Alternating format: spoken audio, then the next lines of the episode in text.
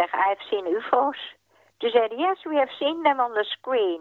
But they were so fast, we couldn't follow them. Hmm. Ik zeg, well, you are darling. Now I know I'm not crazy. You Ja. are not crazy.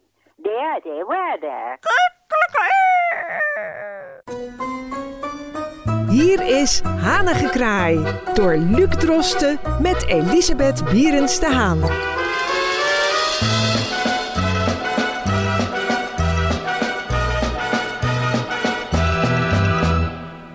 Hartelijk welkom bij Hanige Kraai.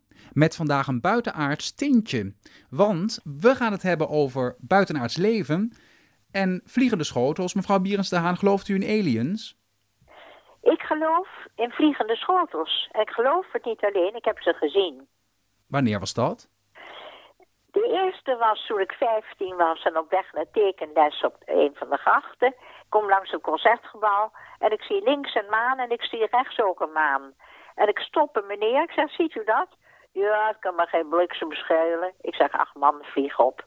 En toen keek ik weer en toen was het weg. En toen dacht ik, hé, hey, dat is gek. Ik ben me daarin gaan verdiepen. Ja. En toen ik bij de KLM kwam in de jaren 60, toen kreeg ik al het idee, ik zeg tegen mijn moeder, mama, ik heb het idee dat ik op die grote hoogte, 12 kilometer hoog meestal met die DC-8, dat ik ufo's zie. En waarachtig zeg. We gaan naar New York. Het was noodweer. We waren bezig met de landing. Opeens komen daar uit die donderwolken tien lichtgevende schotels.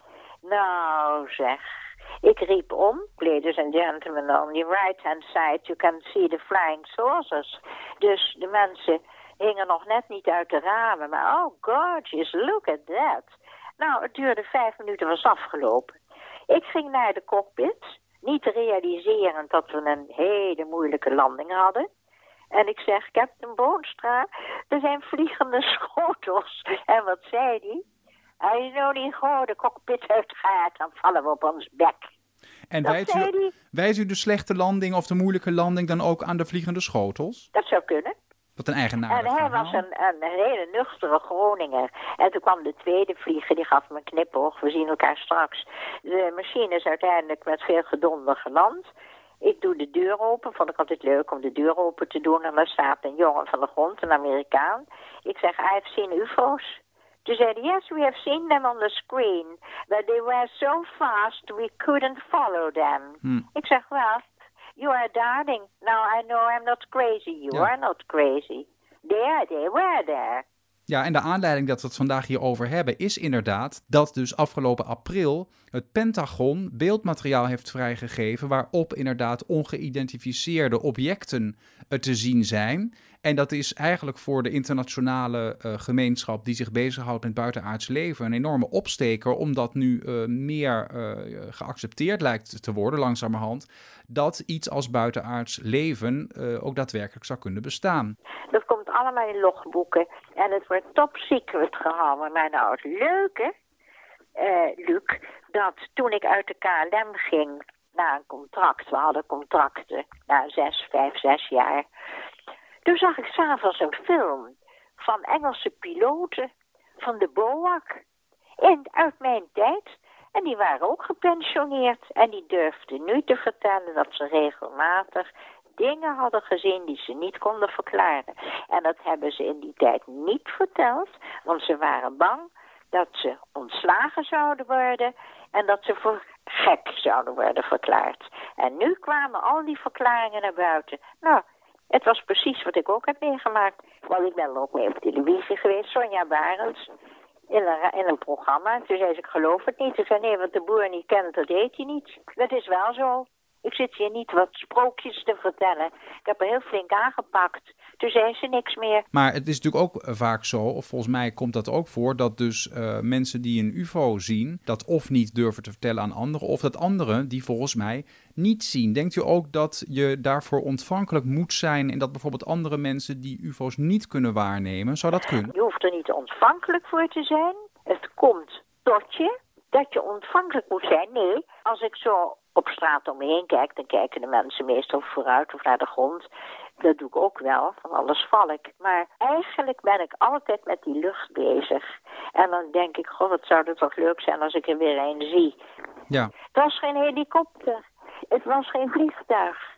Het was iets waarvan we niet weten wat het was. Ik ben spiritueel ingesteld. Maar ik, ik hou niet van sprookjes. Dat je denkt, ja, nou ja, dit is verzonnen. Daar, daar hou ik helemaal niet van. Ik hou van realiteit. Maar ik ben wel ontvankelijk. En dat deze wezens, die hebben een radar. En die voelen van, hé, hey, dat is misschien een van ons. Zij voelt wat wij voelen. Hé, hey, dus zij voelt 1 en 1 is 3. Terwijl op aarde zeggen ze 1 en 1 is 2. Maar wij zeggen 1 en 1 is 3. Ja. Er is veel meer. En er was een Engelse natuurkundige. Een oudere man van een jaar of 73, denk ik. En die legde uit wat hij dacht over of er leven was op andere planeten. En toen zei hij, I studied all my life and I tell you, I know absolutely nothing. Hij wist eigenlijk niet. Hij heeft zoveel geleerd, maar eigenlijk weet hij niets. Maar mijn visie is, er is leven andere zonnestelsels. En die zonnestelsels hebben zich heel anders ontwikkeld dan wij. En ze houden ons in de gaten. Ze houden Ja, ons dat, is, in het oog. dat is uw eigen fantasie toch ook een beetje, die er nou bij nee, komt kijken? dat is een gevoel. Een Het is geen gevoel. fantasie. Ja, dat is dan misschien ook weer een sleutelwoord. Dus het gevoel ehm, Het dat, is het gevoel. dat sommige mensen uitsluiten omdat ze zich puur baseren op de wetenschap. En u laat misschien meer eh, ook nog nee, uw ik, gevoel ik spreken. stel me open en ik zeg, er is veel meer wat we niet weten. Je moet niet schrikken. Men houdt een heleboel informaties geheim, ook in mijn tijd, Ja. in, in de jaren zestig. Ja, waarom ik is dat eigenlijk? Waar Nou, komt dat vandaan? Nou, dat komt hierdoor dat de mensen bang De mensen zeer angstig van nature. Oh, wat griezelig. En straks staat er zo'n zo'n ventje in mijn tuin. Oh, wat eng. En als André Kuipers wordt gevraagd... hebben jullie iets gemerkt en gezien? Nee, helemaal niet. Ja, maar kijk eens. Meneer Kuipers, u hebt toch iets gezien waarvan u dacht... Hé, hey, ja, ik heb iets gezien, maar het bleek een vallende ster. En dat is, dat is niet goed. Want in zijn eerste interview zei hij, ik heb iets gezien wat ik niet kon verklaren. Maar toen het bleek dat de mensen een beetje hun wenkbrauwen optrokken van... hé, hoe kan nou zo'n wetenschapper eh, zo'n verhaal vertellen dat hij iets gezien heeft... en hij begrijpt het niet. Dat heeft hij dus zelf gecorrigeerd. Dus toen werd er weer gevraagd, hoe zit het dan met dat element wat u gezien hebt in de lucht? Nee, dat was uiteindelijk een vallende ster. Men is doodsbang om als je een wetenschap doet, en het is een hele knappe man, die André Kuipers, een heel begaafd en heel knap, maar dan is men reuze bang voor zijn hachie. En mijn neef in New York, die gelooft mij niet. Ik heb het, we waren, was hier en, en een paar jaar geleden zaten te dineren. Hij is helemaal Amerikaan geworden. Ik zei, luister eens, dan praten we Engels. Hij praat geen Hollands meer. Ik heb ze gezien. No, I don't believe you. No, no. I love you, my dear, but I don't believe you. Wat moet je dan zeggen? Dan zeg ik, nou, eet je, eet je maaltje maar lekker op. De groeten kan je krijgen. Als je als mens in contact staat, niet alleen met de aarde, met, met de hele kosmos. En dat is de aura van de kosmos is oneindig groot. En je bent je verbindt je daarmee. Het is haast een religieuze belevenis. Dan heb ik het idee dat je ervaringen hebt. Maar als je afsluit en zegt de aarde is alles, dat is voor mij alles. En, en, en, en eh, bijbelse verhalen is allemaal, allemaal kletskoek. Ik geloof alleen, ik heb mijn iPad hier en ik heb mijn tv en ik heb mijn biertje en ik zit hier lekker. Dat is voldoende. Kijk, dan sluit je af. Het is grappig, eh, Uri Geller, nou, die kan gewoon hele bijzondere dingen. Nou, die is man- ook wel ontmanteld voor Hal als bedrieger. Ja, nee, hij is helemaal geen bedrieger. Nou, Nee, ik heb hem meegemaakt. Het is ongelooflijk. Hij neemt een lepeltje. Ik heb het gezien, gewoon een lepeltje en dat, dat buigt hij en, en het is in tweeën. En dan zet hij het weer aan elkaar. Die man heeft gaven. Hij is nog steeds bezig voor grote, voor Shell ook, voor grote bedrijven om dingen te zoeken die ze niet kunnen vinden. Nee, hij is geen oplichter. Nee, en, en een oplichter, ik eh, onderscheid gauw een oplichter. Hij heeft paranormale gaven die niet passen in het aardse bestek. Dus Uri Geller doet dingen die buiten het normale vallen. Daarom heet het paranormaal. Het is paranormaal. En dan zeggen de mensen, hij is een oplichter. Dat is hij niet. Ik heb hier ondertussen een naam van een meneer.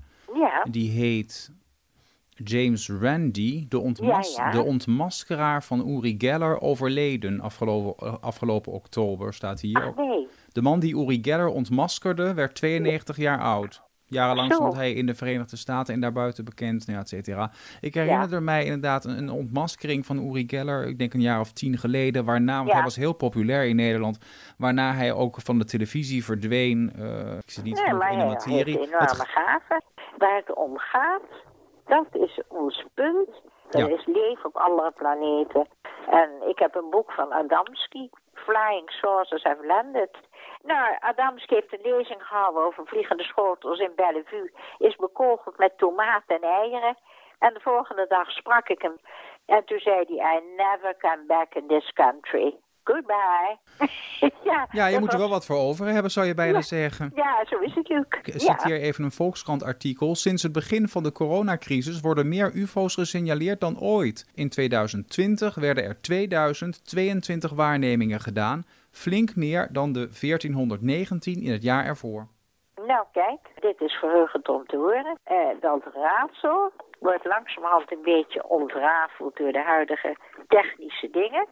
Dat we de mogelijkheden hebben om verder te kijken, verder te komen. Maar dat zal de volgende generatie meemaken. En dan vlieg ik rond als meeuw in de lucht. Dan ben ik er niet meer. Als u nou Ik- 30 jaar jonger zou zijn nu, zou u dan nog naar de maan willen? Nee, ik, nee, nee, dat zou ik niet willen. Het is niks voor mij om dat te doen. Ik zit hier rustig en eh, de aarde is voor mij voldoende. Dus als u reïncarneert, dan wordt u niet ehm, ruimtevaarder. Dat weet je niet, Luc. Helemaal goed. Ik wens u eh, wederom een, eh laten we zeggen, een open week toe. Weliswaar hier op aarde, maar toch ook eh, ja, een, een hemelse week. Ja, dank je en dat wens ik jou ook toe. Hartelijk dank. En ik zou zeggen, tot de volgende aflevering. Tot de volgende aflevering. Wilt u reageren? Mail naar hanigekraai.amsterdammefm.nl en uw bericht komt terecht bij mevrouw Berends de Haan.